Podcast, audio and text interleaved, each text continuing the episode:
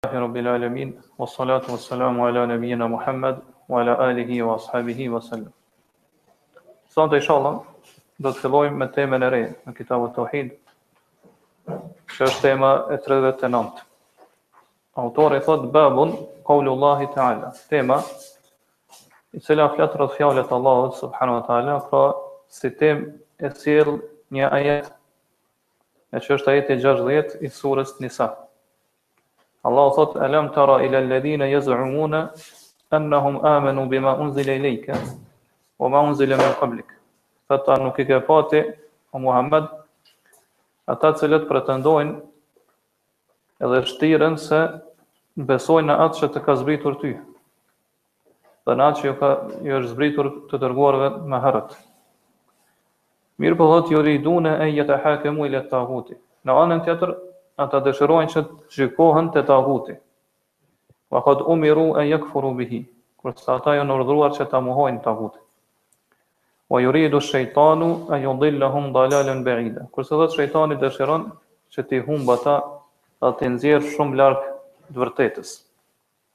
Po t'i çojë shumë larg, edhe t'i humbë në një humbje të madhe, të largët. Pastaj autori thotë el ajat, dhe ajetet në vijim që vazhdojnë pas këtij ajeti.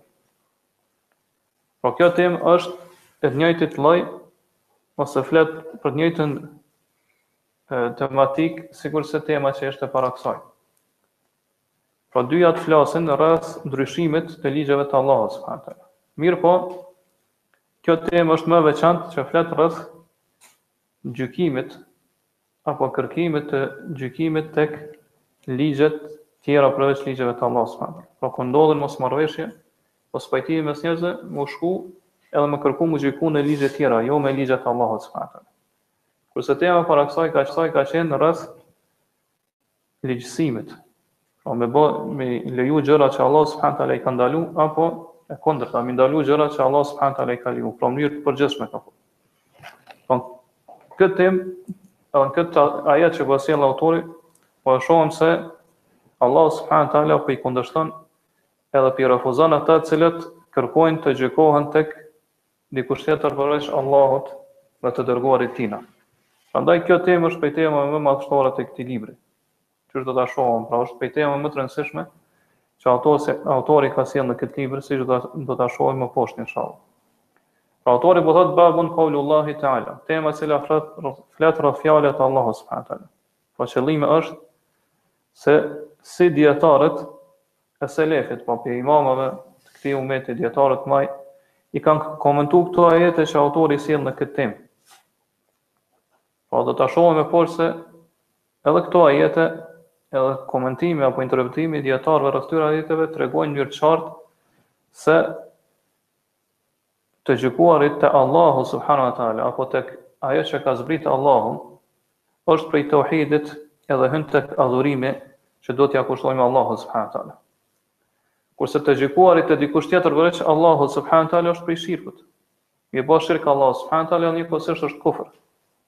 Ngase i gjithë gjykimi, i gjithë vendimi i takon vetëm Allahut subhanahu wa ta'ala të vetmit.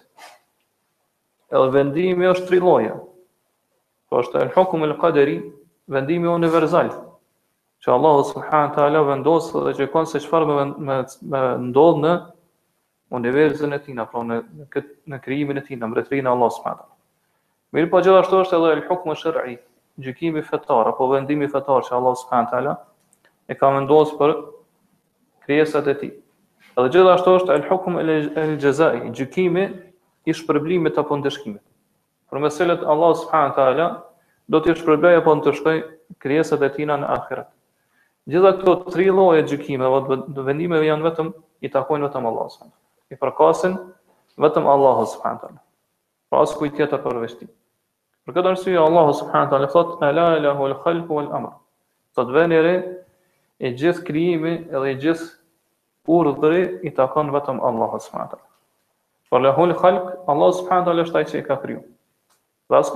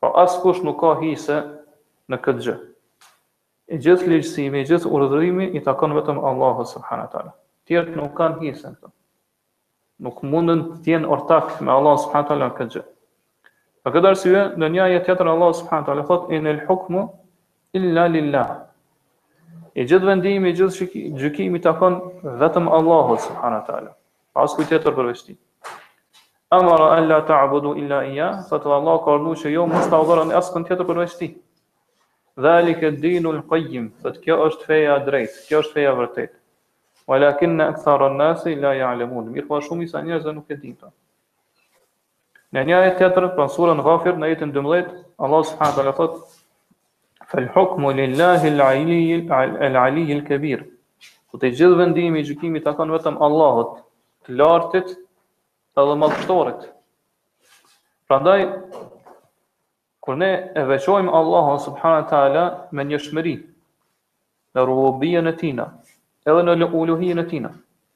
Kjo gjë kërkon medoemos prej neve, pra përfshin edhe kërkon prej neve detyrimisht edhe medoemos që gjithashtu ta veçojmë Allahun subhanahu teala edhe me vendim me gjykim në çështjet e mospajtimit që ndodh ose ngatërresa që ndodhin mes njerëzve. Po ashtu që është i takon Allahu subhanahu wa taala, gjykimi edhe vendimi në universin e tina, mbretërinë e tina, pra që askush nuk mundet me vendos edhe me gjyku se çfarë do të ndodhë në këtë univers, po ashtu Allahu subhanahu wa taala i takon pra kanë obligim krijesat që me pranu gjykimin dhe vendimin e Allahu subhanahu wa taala në mospajtimet që ndodhin mes tyre. Ngase i gjithë gjykimi, i gjithë vendimi i takon vetëm Allahut subhanahu teala. Pra Allahu subhanahu teala është El Hakem. El Hakem pra gjykatës i drejtë. Ai që merr vendime dhe gjykime të drejta. Prandaj të gjykuarit te ajo që ka zbrit Allahu subhanahu teala, pra me shku me u gjyku me, me atë që ka zbrit Allahu subhanahu teala, kjo hyn brenda tauhidit.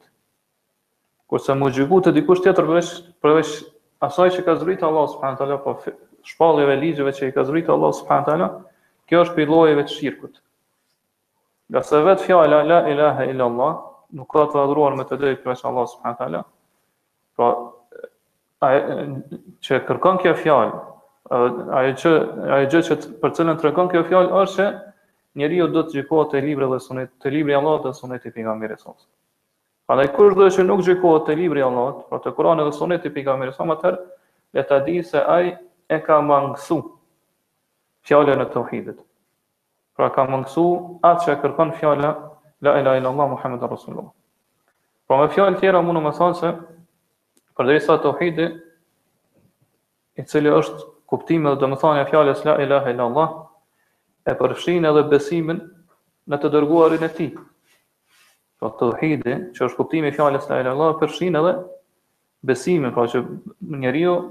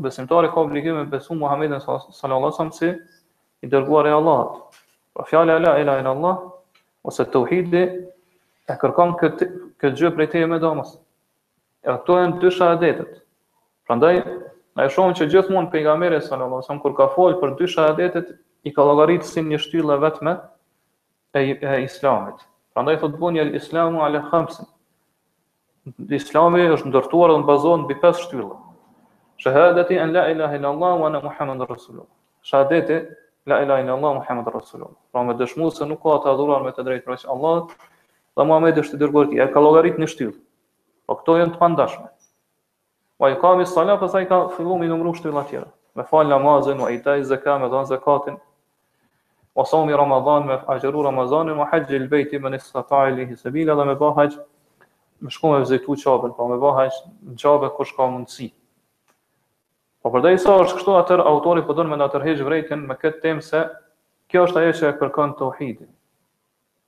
Pra tauhidi i Allahut subhanahu wa taala, e që i përfshin dy shahadetet si rezultat i atij që e thot këtë shahadet është patjetër që ai duhet me pranu që m'u gjyku te pejgamberi thot. Pra si gjykatës tina me marr Muhammedin sallallahu alaihi wasallam kur ka mospajtime mes tij dhe mes tjerëve, do të thotë kur ka ngatërresa.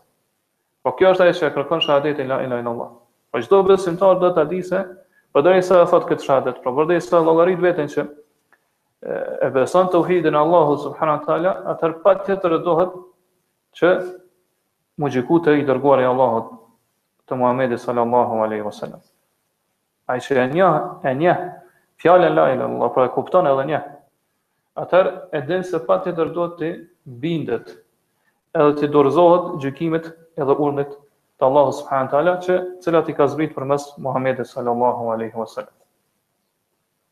Përndryshe, nëse nuk e pranon këto, atëherë mund të themi se ai ka gënjy, ka gënjy rreth shahadetit tina. Po nuk është i, i, i vërtet shahadeti cilin e ka thonë. Nëse ai dëshmon edhe beson, ose e thot me gjuhën e tina, mirë po nuk pranon që të gjykohet te pejgamberi sallallahu alaihi wasallam, atër vërtet ai nuk është i saktë dhe i drejtë në atë çka thot.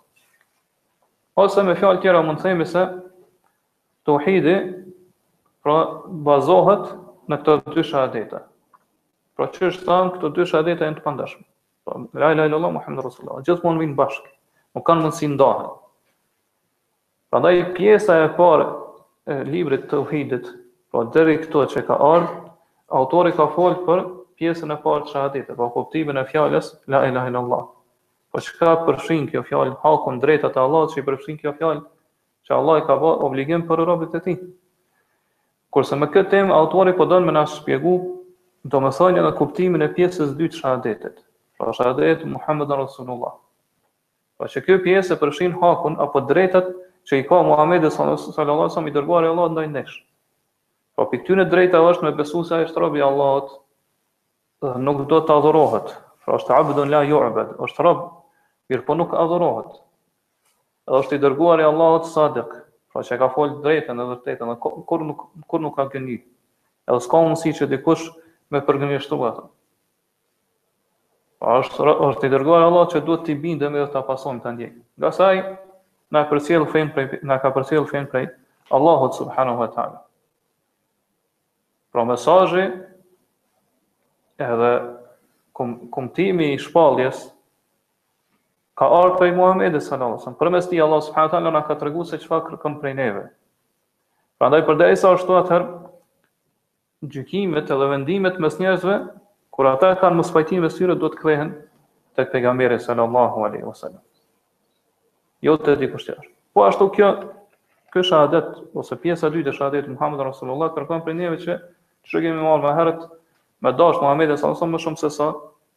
veten tonë, më shumë se sa familjen tonë, prindërit tanë, gruan tanë, tonë, edhe fëmijët tonë, më shumë se sa atdheun edhe vatanin tonë.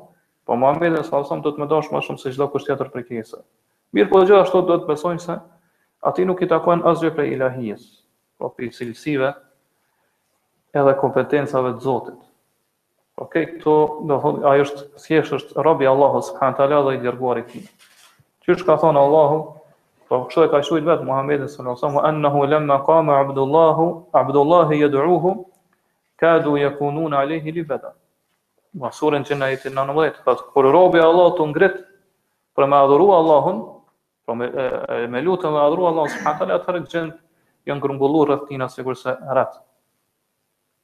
Po janë grumbullu edhe afër tina dhe rreth tina.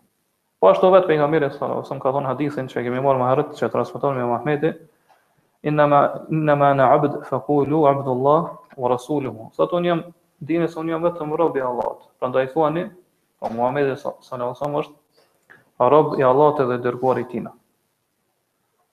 Po ajo që kërkon shehadeti jonë kur themi Muhammeden Resulullah prej ne është që në ato gjëra me cilat na ka urnu Muhammedi salsem atëherë ne duhet të bindemi atij.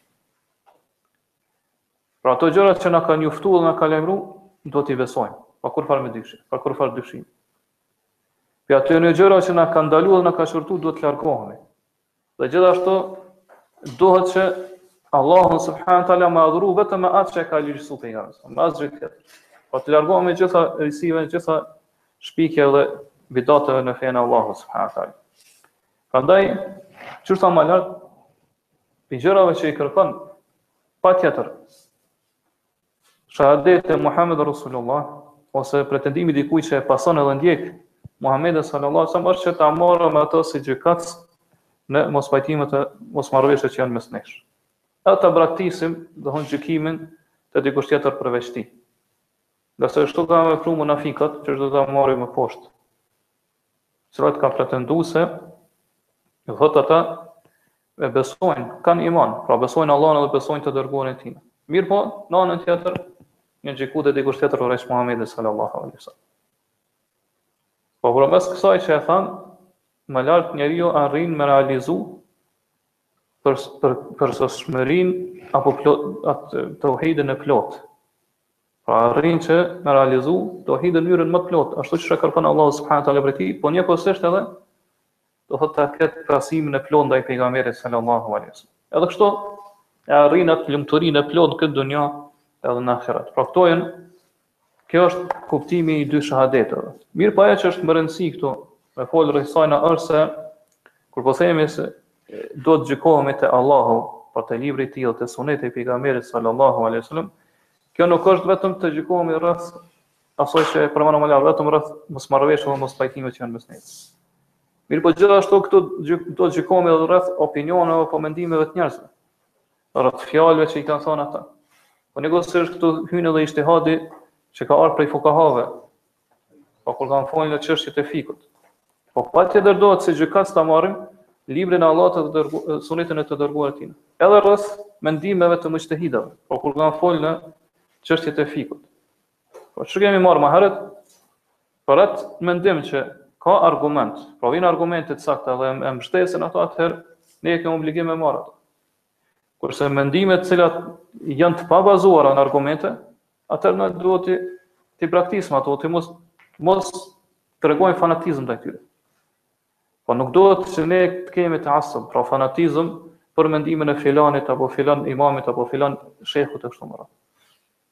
Ngase ai i cili tregon fanatizëm, pra e sheh që argumenti është në kundërshtim me mendimin e Imamit të cilin e pason, mirëpo prapë se prapë nuk e merr argumentin, pra punon me mendimin e Imamit të tina, atëherë personi i këtillë nuk është gjyku te Allahu apo te ajo që e ka zbritur Allahu në Kur'an apo te, te Suneti i Pejgamberit sallallahu alajhi wasallam. Mirëpo, ky po pranon që të gjykohet, pra si, si vendim dhe gjykim ta merr mendimin e filanit, po personit për cilën ky po tregon fanatizëm. Personit për të cilin ky po tregohet i ngurtë edhe nuk po pranon mendim tjetër veç se mendimi i tij. Por nuk po pranon që mendimi i tij të kundërshtohet.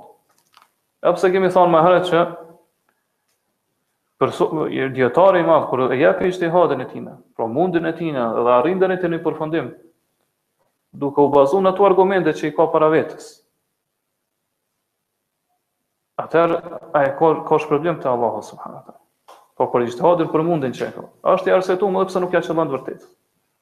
Madje përveç që arsyetohet edhe ka shpërblim te Allahu subhanahu wa taala. Mirëpo, thjesht do thot atij Allahu subhanahu wa taala nuk i ka dhënë sukses që me marr me me me ja qëllu ose mu bazu në argumentin e saktë ose argumentin e duhur. Dhe se kjo është ligji i Allahut subhanahu teala, kjo është prej urtësisë të Allahut subhanahu teala, në mënyrë që njerëzit me ditë se nuk ka njeri të pagabueshëm. Po çdokush prej dietarëve siç ka thënë Imam Maliku ose ja qëllon ose gabon. Përveç Muhamedit sallallahu alaihi wasallam. Çdokujt i merret fjala apo i kundërshtohet përveç Muhamedit sallallahu alaihi wasallam. Kështu që ai është i arsyetun edhe ka shpërblim. Ngase këtu ka arrit është fundi edhe skajshmëria e ixhtihadit të tina. Ai s'ka mujt më shumë me dhon prej vetes tina. Mirëpo atij që i bëhet e qartë që ixhtihadi i imamit apo dietarit të cilin e pason nuk përputhet me argumentin, atëherë nuk i lejohet me me me punu me këtë. Nuk e ka të lejuar me punu me këtë me mendimin e tij. Pavarësisht kush është ai, imam apo mufti apo dietar i madh. Madje vetë imamët e medhhebeve kanë ndalu prej kësaj. Po na kanë ndalu neve si pasues të tyre, që kemi marrë, që kemi ardhur pas tyre që ne pra të tregohemi fanatik, pra t'i përmbahemi vetëm mendimeve të tyre. Pa shiku argumentet në të cilat janë bështet ata. Argumentet prej Kur'anit apo Sunetit të pejgamberit sallallahu alajhi wasallam. Përndryshe, nëse ne veprojmë të kundërtën e asaj që na kanë mësuar vetë imamët, Atëherë biem në atë që e kemi përmend temën që ka qenë para kësaj. Pra do t'u bindemi dijetarëve apo udhëheqësave në ndalimin e gjërave që Allah subhanahu taala i ka leju apo në kundërtën. Në lejimin e gjërave që Allah subhanahu taala i ka ndalë. E kjo pa dyshim është prej mëkateve të mëdha. Gjithashtu në këtë temë për cilën po flasim hyn hyn edhe Me kërku ose të gjykuarit rreth menhexheve që kanë dalë sot në botën islame, menhexheve davetit. Po ne shohim që ka shumë menhexhe, edhe dita e ditës do të po shtohen edhe të tjera. Po xhamate, në grupe ndryshme. Edhe këto hyjnë këtu. Pra kemë obligim që gjithë këto xhamate kanë obligim që të gjykohen te libri i Allahut dhe suneti i pejgamberit sallallahu alaihi wasallam. Çdo xhamat apo çdo menhexh që e ndjek një xhamat, nëse shkon edhe ecë sipas Kur'anit dhe Sunetit të Pejgamberit sallallahu alaihi wasallam, themi që menhexhi i tyre i tyre është i saktë. Edhe kanë të tjerë obligim me ndjek këtë menhexh. Mirëpo ato menhexhe që e kundërshtojnë, pra ajo metodologjia dhe rruga që e ndjekun ata, e kundërshtojnë Kur'anin dhe Sunetin e Pejgamberit sallallahu alaihi wasallam, ne kemi obligim refuzu ata. Edhe të largohemi prej tij, jo të tregohemi fanatik. Vetëm se është menhexhi në cilin po ecë hoxha jem unë duhet me shku pas tij. Kjo nuk lejohet. Ngase ti po kërkon tash m'u gjyku te dikush tjetër, jo te Allahu dhe te i dërguari i tij. Po nuk na lejohet m'u tregu fanatik, as për ndonjë xhamat, apo për ndonjë, ndonjë hizb, pra parti, apo për ndonjë menhexh, metodologji davetit, përderisa e shohim që ajo po e kundërshton Kur'anin edhe sunetin e pejgamberit sallallahu alaihi wasallam. Ngase ne e dim që ka thirësa që thrasin drejt islamit, mirëpo në realitet ata janë thirësat që thrasin drejt të kotës, edhe pse duan ata t'atribuohen thirës në islam. Mirëpo ata i thirrin njerëzit drejt devijimit edhe drejt humbjes. Prandaj, ai i cili gjykimin ose të gjykuarit te Allahu dhe te, te suneti i pejgamberit sallallahu alaihi wasallam e kufizon vetëm te gjykatat fetare si janë. Ai le ta di që ai ka gabu. Ngase kur themi ne se duhet të gjykohemi te Allahu dhe te i dërguari i tina, atëherë qëllimi është se duhet të gjykohemi në gjitha çështjet që na takojnë neve, çështjet e fesë dhe çështjet e dunjos. Në gjitha mospajtimet e mosmarrëveshjet që janë mes neve, si besimtarë, si musliman. Edhe çështjet për shembull që kanë të bëjnë me drejtat e pasuris, apo të nderit, edhe tjera. Mirëpo gjithashtu edhe çështja ma lart rreth fjalëve apo mendimeve të dijetarëve muxhtehidave, apo fukahave, që kanë folë rreth fikhut islam, po gjithashtu edhe në çështjet e menhexheve, davetit,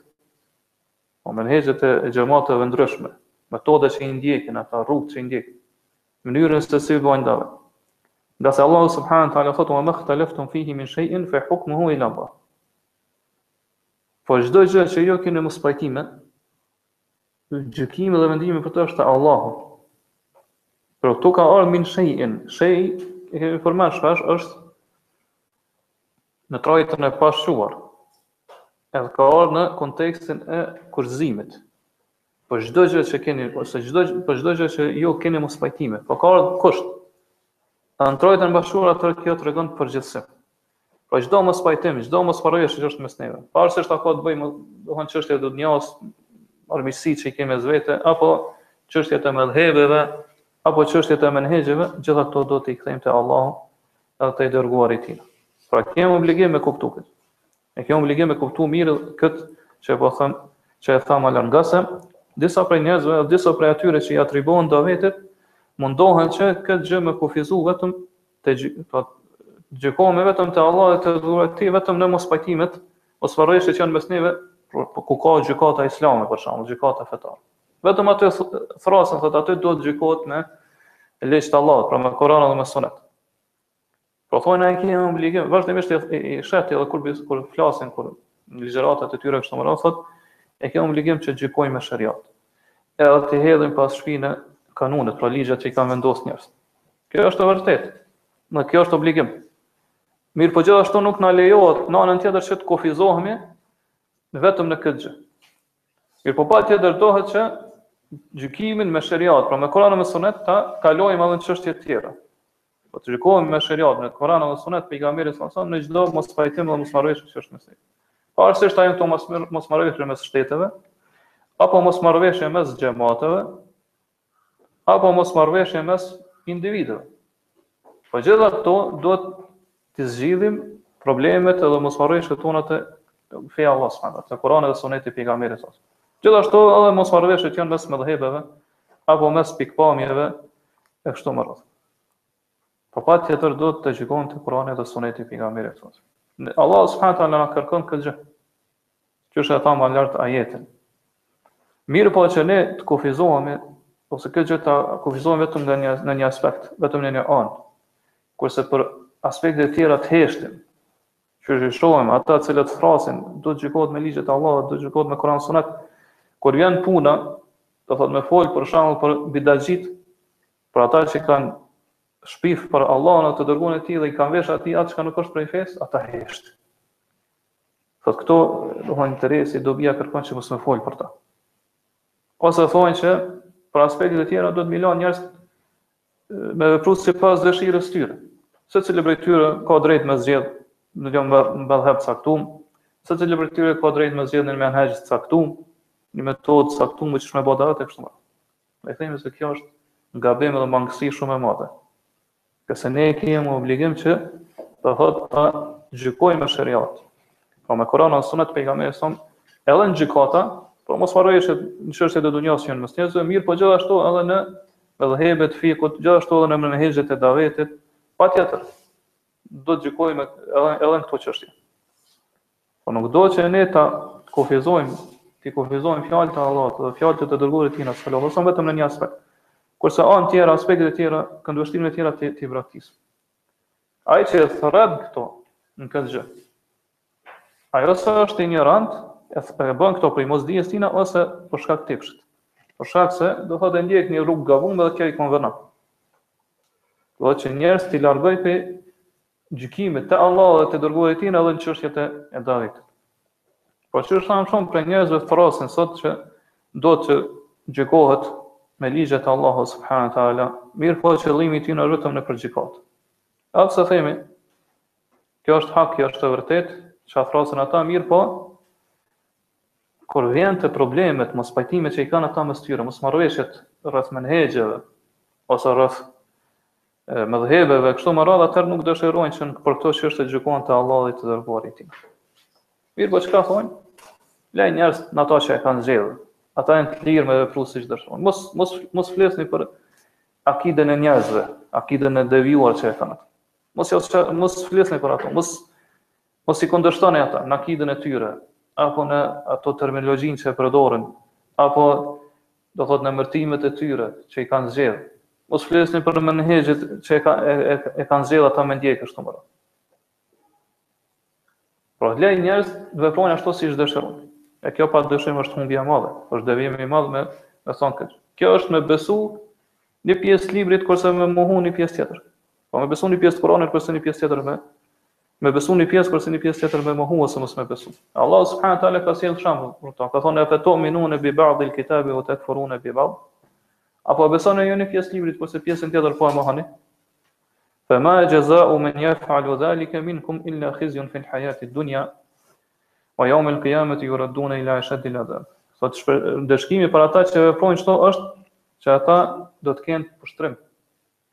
Edhe nënçmim në këtë dunja, në jetën e kësaj bote. Kurse në ahiret i pret një ndëshkim i ashpër.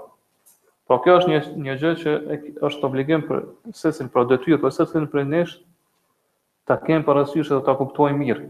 Kjo është një çështje shumë e madhe. Është një mesele madhështore, që shumë prej njerëzve sot janë të pavëmendshëm rreth saj, nuk e kuptojnë. Pra ata të cilët thrasin që të gjykohet me shariat, që sot i hasim që janë shumë edhe vazhdimisht shkruajnë rreth saj ose flasin e shohim që ata pra kufizohen vetëm në të gjykuarit me sheriat në mospajtimet që kanë të bëjnë me qështje dëndës ose rreth pasurisë ose, ose rreth nderit ose rreth mospajtimeve tjera mospajtimet që janë mes njerëzve po mirë po në qështjet e fesë pra në akide, në medhheb, në menhexh e kështu me radhë këto ose nuk dohet të gjykojë te libri i Allahut dhe suneti i Pejgamberit. Dhe kjo është pa dyshim gabim i madh. Prandaj këtu e shohim përshtatshmërinë e kësaj teme me librin e Tauhidit. Po përshtatshmëria e temës me tematikën e Tauhidit po e shohim që është shumë e qartë. Ajo është se të gjykuarit te dikush tjetër ose te diçka tjetër përveç fesë së Allahut subhanahu wa taala, shariatit. Kjo e prek thelbin e tauhidit të personit. Po në thelbin e tauhidit, esencën, bazën e tauhidit e asgjëson. Nëse ai kërkon dhe dëshiron me u gjyku te dikush tjetër përveç Allahut subhanahu wa taala. Pra kjo temë, po na sqaron neve se është obligim që pra është detyrë obligim që të gjykojmë me shariatin, fenë e Allah subhanahu Kurse të gjykuarit me ligje tjera, me kanune tjera, që i hasim shumë tek njerëz për shembull. Atje në Arabi i kanë ligjet e shkretinës për shembull. i quajnë se i quajnë sevalifu l-badije. Apo i kanë kanë do të disa vende kanë vetë ende ato çështjet e xhahilijetit, përmes cilave gjykojnë.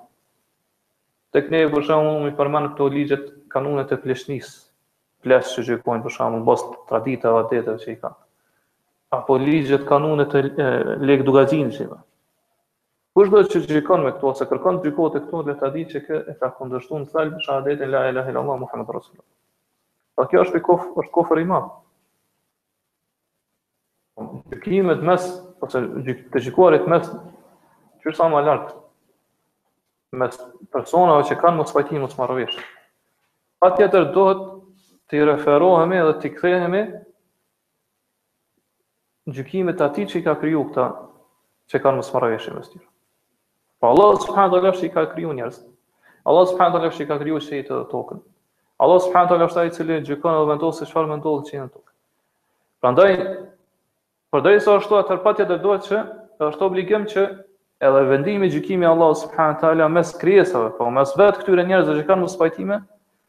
Do të jetë do të zgjidhja e këtyre mosmarrëveshjeve do të jetë me gjykimin edhe ligjet e Allahut subhanahu wa taala. Përndryshe, do të thotë njerëzit e kundërshtojnë në thelb dhe në esencë teuhidin, pra fjalën la ilahe illallah, Muhammedur Rasulullah, edhe kjo është shirk, Pra edhe në gjykim edhe në vendim, edhe siç e thamë lart është shirk edhe në ligjësim. Kur na, na sqarohet kjo që e thamë më lart, na bëhet e qartë atëherë e kuptojmë edhe më mirë domethënien e ajetit që e ka sjellë autori si temë. Pra që Allah subhanahu wa taala në këtë ajet po i kundërshton dhe i po i refuzon ata të cilët pretendojnë se e kanë besu, atë që i ka zbrit, që ka zbrit Allahu te i dërguari i tij, atë që ka zbrit Allahu te pejgamberët e mëhershëm. Kurse në anën tjetër ata e preferojnë edhe pëlqejnë dhe dëshirojnë të që mospajtimet e tyre të zgjidhen te dikush tjetër përveç librit të Allahut dhe sunetit të pejgamberit sallallahu alaihi wasallam. Prandaj edhe Allahu këto po e sjell në mënyrë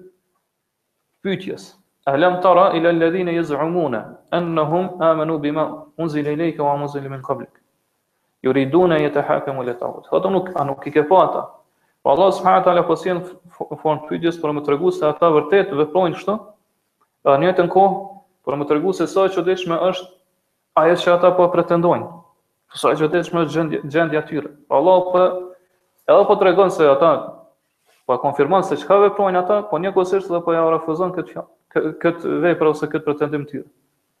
Po në anën një anë po pretendojnë se e besojnë atë që i ka e ka zbrit Allahu te pejgamberi a.s. dhe atë që e ka zbrit tek pejgamberët e mëhershëm, kurse në anën tjetër Po kërkojnë apo dëshirojnë të gjykohen te dikush tjetër veç Allahut dhe pejgamberit sallallahu alajhi wasallam. A ka mundësi këto dy gjëra të bashkohen? Po Allahu po thotë që nuk ka mundësi të bashkohen. Po Allahu po tregon se këta po dojnë me bo bashkë mes imanit edhe kufrit. E kjo është e pamundur. Pra ai që beson Allahun, ai që beson të dërguarin e tina, patjetër, Ka me kërku e ka me dëshiru të të gjykohet te libri i Allahut dhe te suneti i të dërguarit të tij. Sallallahu alaihi wasallam. Mirpo ai i cili pretendon imanin, mirpo në anën tjetër kur vjen puna të gjykimit të vendimit, nuk kthehet te Allahu, dhe nuk kthehet te suneti i pejgamberit sallallahu alaihi wasallam, atëherë Allahu po thotë që ai nuk është besimtar. Prandaj Allahu po e sjell në formë Foljen yez'umune, pretendojnë ata, veç shtiren. Po yez'umune është kur dikush pretendon diçka. Arabisht zami është rrena më e madhe që e thot dikush. Allahu po tregon se ata gënjejnë në pretendimin e tyre që janë besimtar. Edhe po e sjell argumentin edhe dëshmin, pro provën pse ata po rrejnë. Pse ata po gënjejnë? Edhe do të thotë thjesht po shtiren dhe s'po e thonë të vërtetën. Ngase thotë ata po dëshirojnë të gjykohen te taguti, jo te Allahu dhe te i dërguari i tina. Ngase sikur të ishte besimi i tyre i vërtet, atëherë ata nuk ata do të kërkonin apo do të shëron dëshironin që të gjykohen vetëm te Allahu dhe suneti i pejgamberit a.s. Pra folja në arabisht jezumun Gjithmonë ose në shumicën e rasteve zakonisht përdoret kur dikush pretendon një gjë, mirëpo ai është gënjeshtar, domethënë rren, s'e thot të vërtetën. Apo është aty afër. Po ai pretendon një gjë, mirëpo, do të fjala e tina vendoset në pozitën në nivelin e rrenës. Arsyeja pse llogaritet që fjala e tij është gënjeshtër ose pretendimi i tij është i gënjeshtër, është për arsye se ai e kundërshton atë që kërkon kjo fjalë, pra me veprat e tij e kundërshton atë që kërkon kjo fjalë, po vepron kundër asaj që po e pretendon ai. Prandaj, ky ajet po na tregon neve se njeriu vetëm me dëshiru me zemrën e tij, vetëm me pas dëshirë, me pëlqy, Me preferu, mu gjyku te dikush tjetër, përveç Allahut, përveç te libri i Allahut edhe te suneti i pejgamberit sallallahu alaihi wasallam, kjo e kundërshton imanin e tij. E si është puna nëse ai vepron? Nëse ai veç shkon edhe gjykohet te dikush tjetër përveç librit të Allahut dhe sunetit të pejgamberit. Pra nëse dikush me zemrën e tij e bën e ka për qëllim këtë, e bën nijet. Mirëpo, siç kena me marrë më poshtë, inshallah, do njerëz në këtë çështje dallon, ka kategori të njerëzve. Mirëpo, në përgjithësi themi, se nëse e dëshiron këtë gjë, me nijet e bën, e kërkon me zemrën e tina, pra e synon me zemrën e tina, edhe e sheh si të lejuar, që mu gjyku te dikush tjetër, përveç Allahut, përveç te libri i Allahut edhe suneti i pejgamberit sallallahu alajhi wasallam, atëherë, ai nuk është besimtar.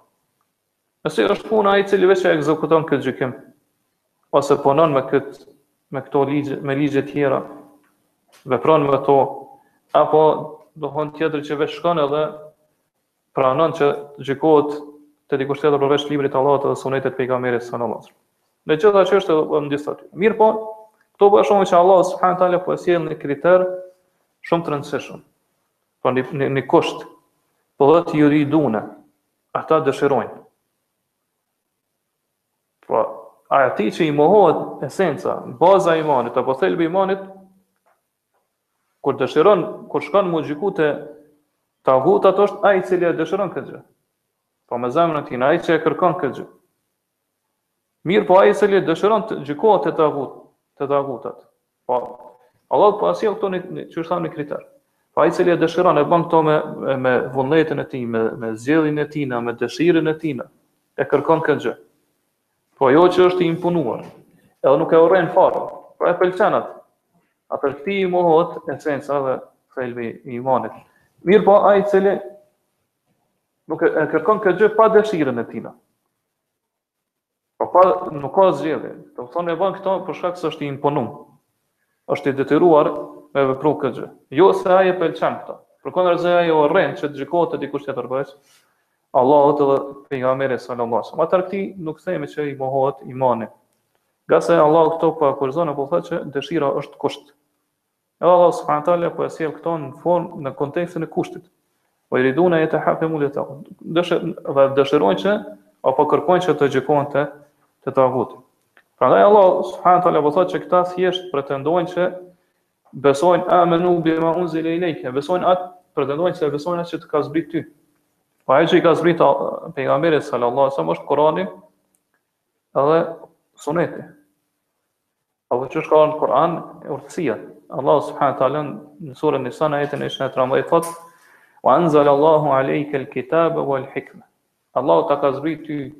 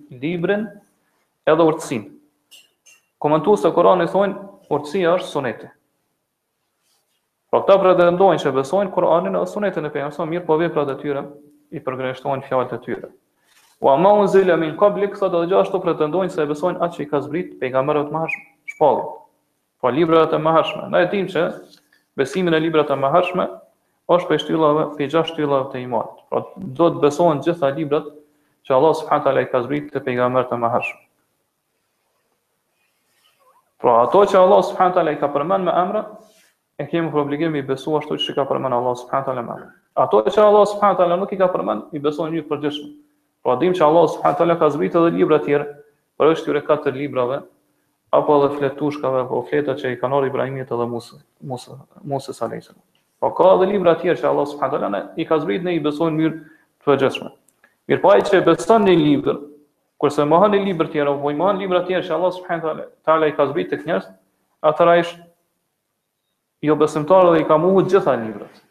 Edhe pse pretendon që e beson atë librin që i ka zbrit atij. Allah subhanahu wa taala kur flet për hebrejt thot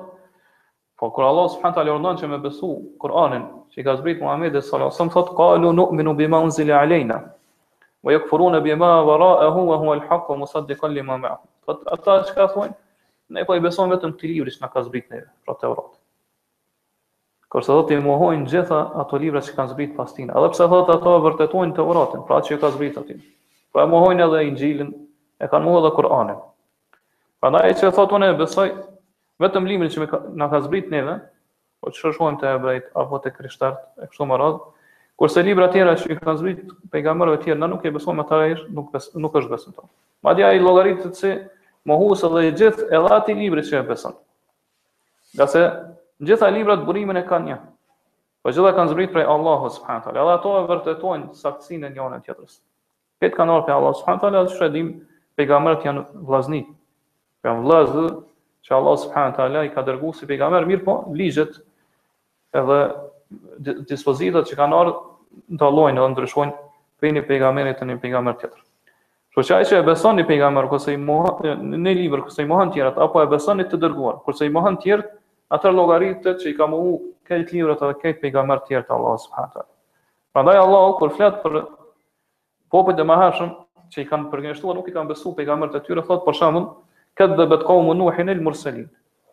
Populli i Nuhut i përgënjeshtroi pejgamberët të dërguarit. Kedhdhebet Adun el Murselin. Adi, pra, i ka populli i Adit ose populli i Adit, fisi i Adit i ka mohu dhe i ka përgënjeshtruar të dërguarit. Kedhdhebet Thamudu el Murselin. Thamudi i ka përgënjeshtruar krejt pejgamberët. I ka mohu do thotë.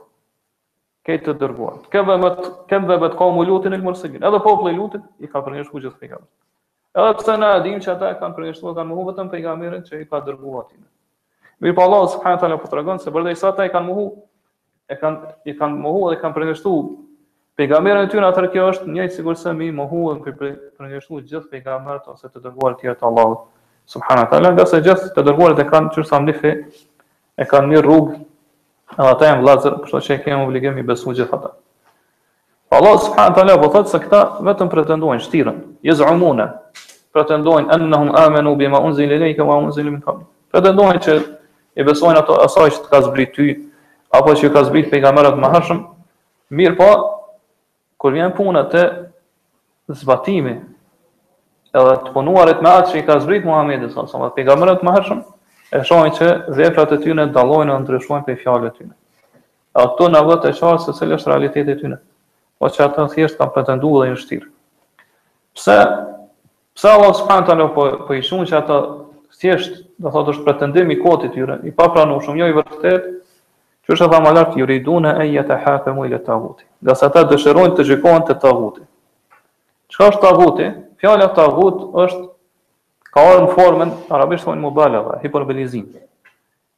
Edhe derivon prej fjalës tughyan. Tughyan është kur tejkalohen kufit. Po gjithmonë kur përdoret fjala tughyan ose tagut është kur ka tejkalim të kufive, kur kur teprohet diçka. E më së miri që e ka përkufizuar tagutin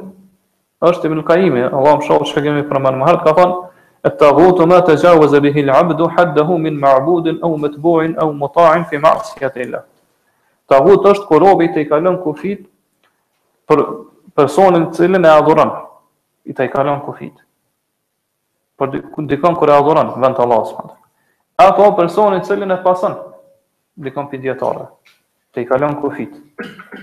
Apo personi thotë të cilit i bindet, udhëheqësi kryetar të kështu. Te masijetilah duke i bërë mëkat Allah subhanahu wa taala. E thotë wa tawagitu kathirun. Edhe tagutat janë shumë.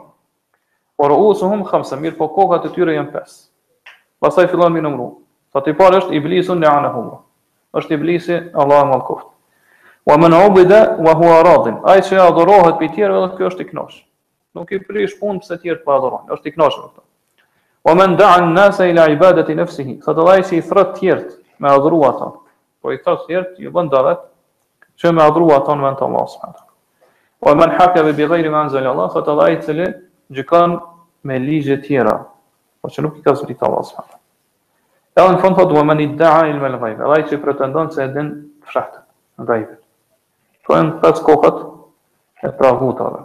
Po këto janë kokat e tagutave. Mirëpo këtu, vetëm sa për me tërheq vërejtjen është se dikush mundet me bë pyetjen me thonë që këtu po e shohim që prej tagutave është është është edhe ai i cili adhurohet vend të Allahut subhanahu teala.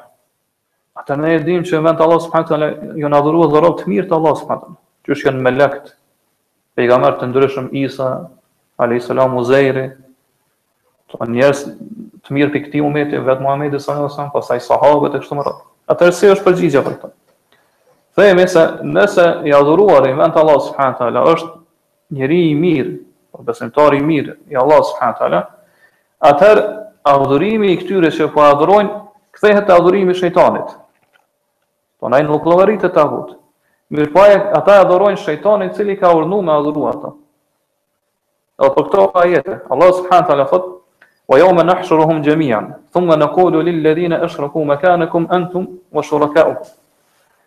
Thot edhe në ditën kur ne do t'i tubojmë gjithë ata, pra krejt njerëz, krejt krijesat, njerëz, xhinët, melekët, krejt kanë u tubu para Allahut subhanahu teala. Thot edhe aty, pasaj do t'ju themi atyre që i kanë bërë shirk Allahut subhanahu: Qëndroni në vendin e juaj ju, edhe ata që i adhuroni në vend të Allahut. Fa zayyalna bainahum, thot pasaj do do t'i ndajmë mes tyre. Pra të adhuruarit në, një anë, adhurusit një anë, të adhuruarit në anën tjetër.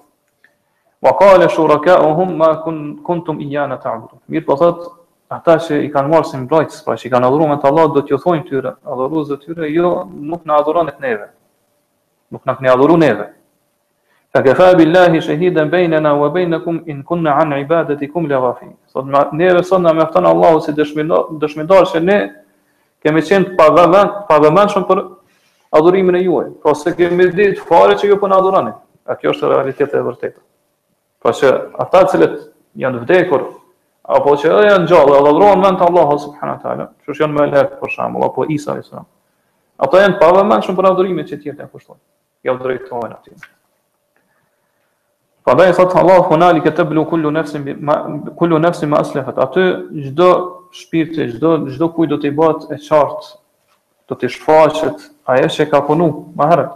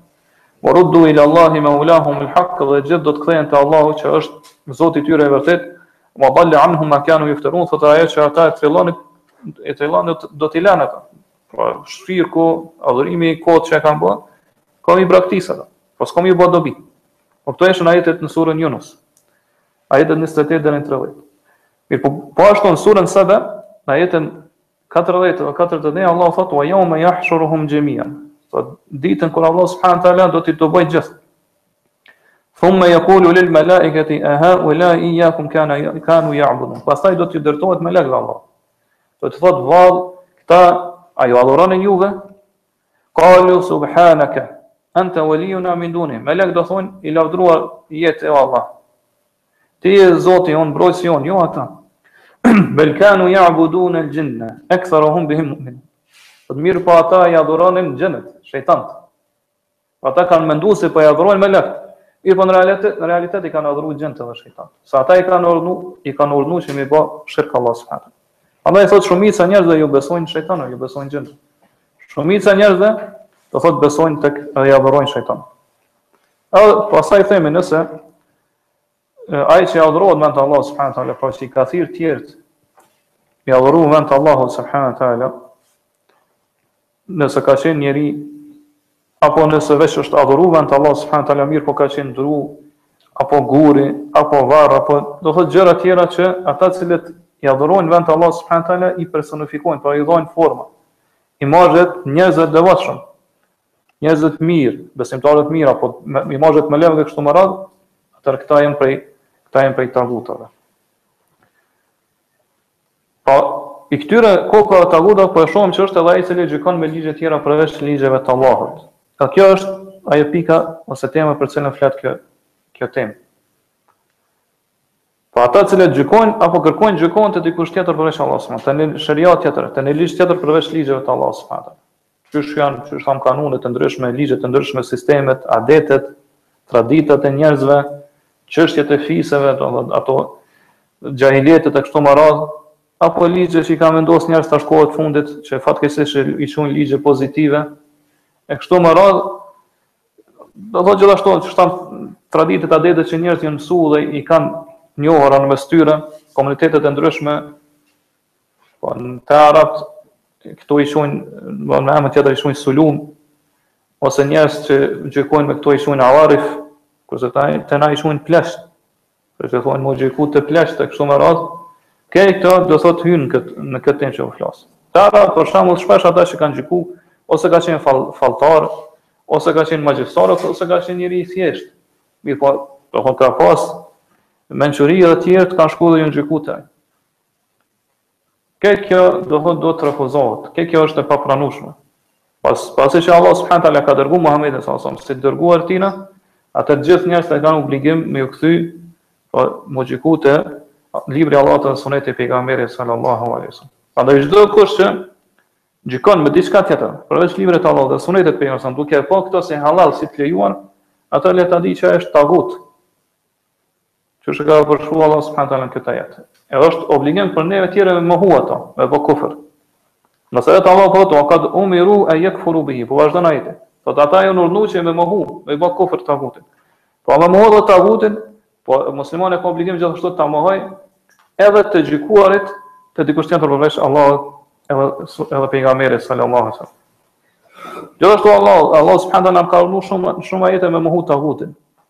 Për shembull, thotë la ikrahe fi din, qad tebejen ar-rushdu min al-ghayy, nuk ka dhunë në fe, ngase e drejta tash u bë e qartë, tash më veç u sqaru prej të pavërtetës, e drejta prej të kot, prej të kotës u bë e qartë.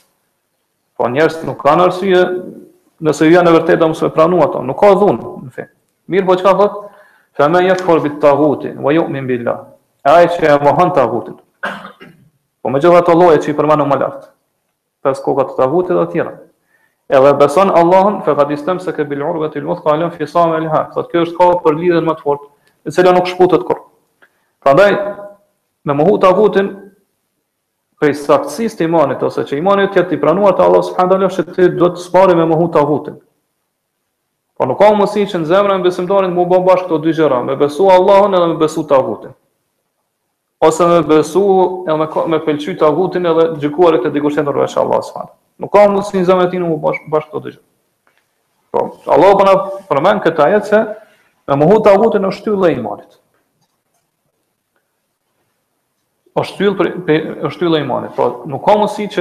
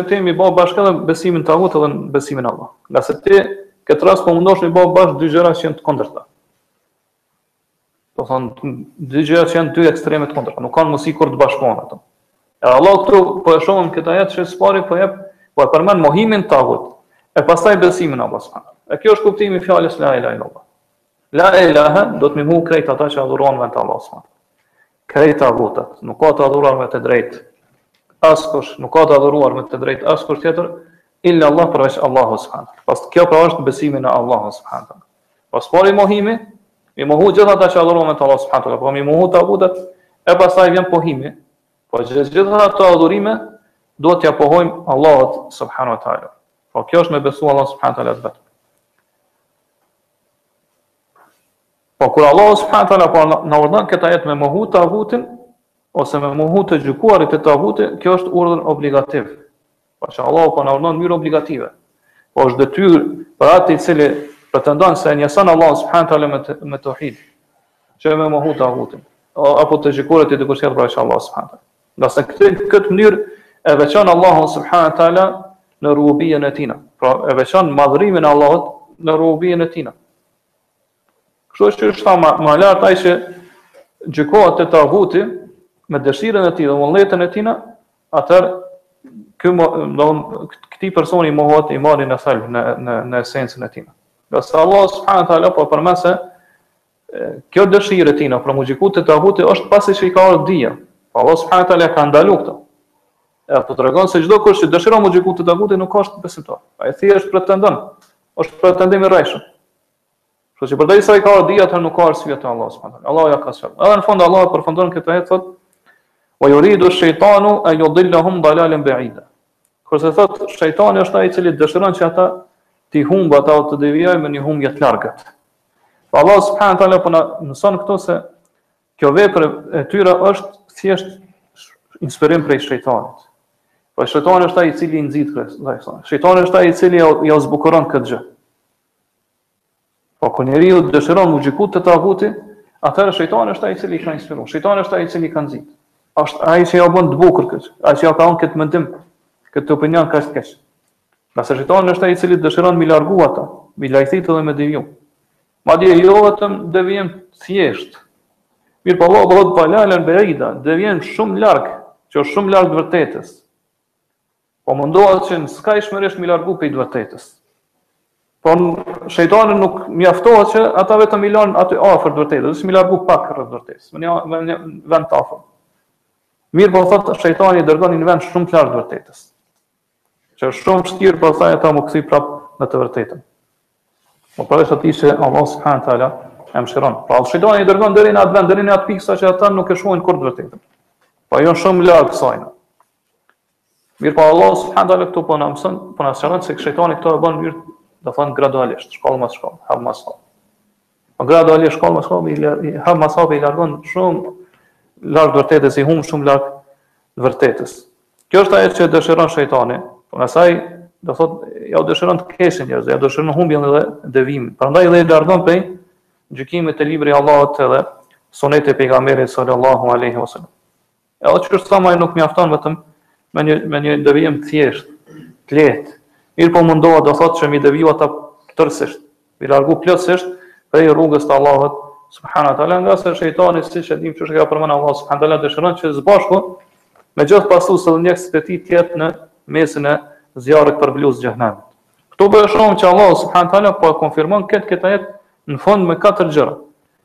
Pra e para po të thotë se kjo është prej është dëshirë e shejtanit. Pra shejtani është ai i cili ja u dëshiron këtë gjë, është ai që i zbukuron, ja u zbukuron këtë gjë, është ai i cili i inspiron e kështu me radhë. E dyta po thotë, po po përmend se kjo është dalal, pra është humbje. Edhe Allahu këto, e treta është që po e konfirmon me emrin foljor. Dalalen ba'ida. Po shejtani dëshiron t'i humb me një humbje. Po pra me konfirmu edhe më shumë Allahu subhanahu wa taala këto, po e sjell çështjen e katërt po thotë ba'idan, një humbje shumë të largët. Pra që është shumë larg rrugës së vërtetë dhe e udhëzimit. Prandaj këto e shohim se vërtet do të thotë ky Kur'an është Kur'an madhështor dhe është shumë i qartë dhe shumë i fuqishëm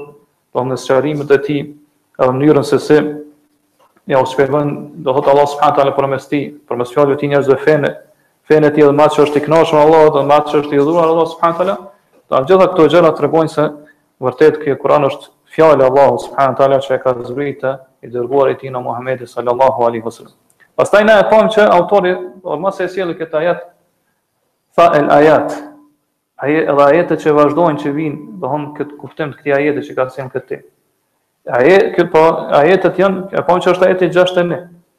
Ajetet që flasin për këtë temë vazhdojnë deri te ajeti 69 i surës Nisa. E për këto ajete inshallah do të flasim në dersin e ardhshëm, ngase do thotë vërtet ka kanë kuptime dhe domethënia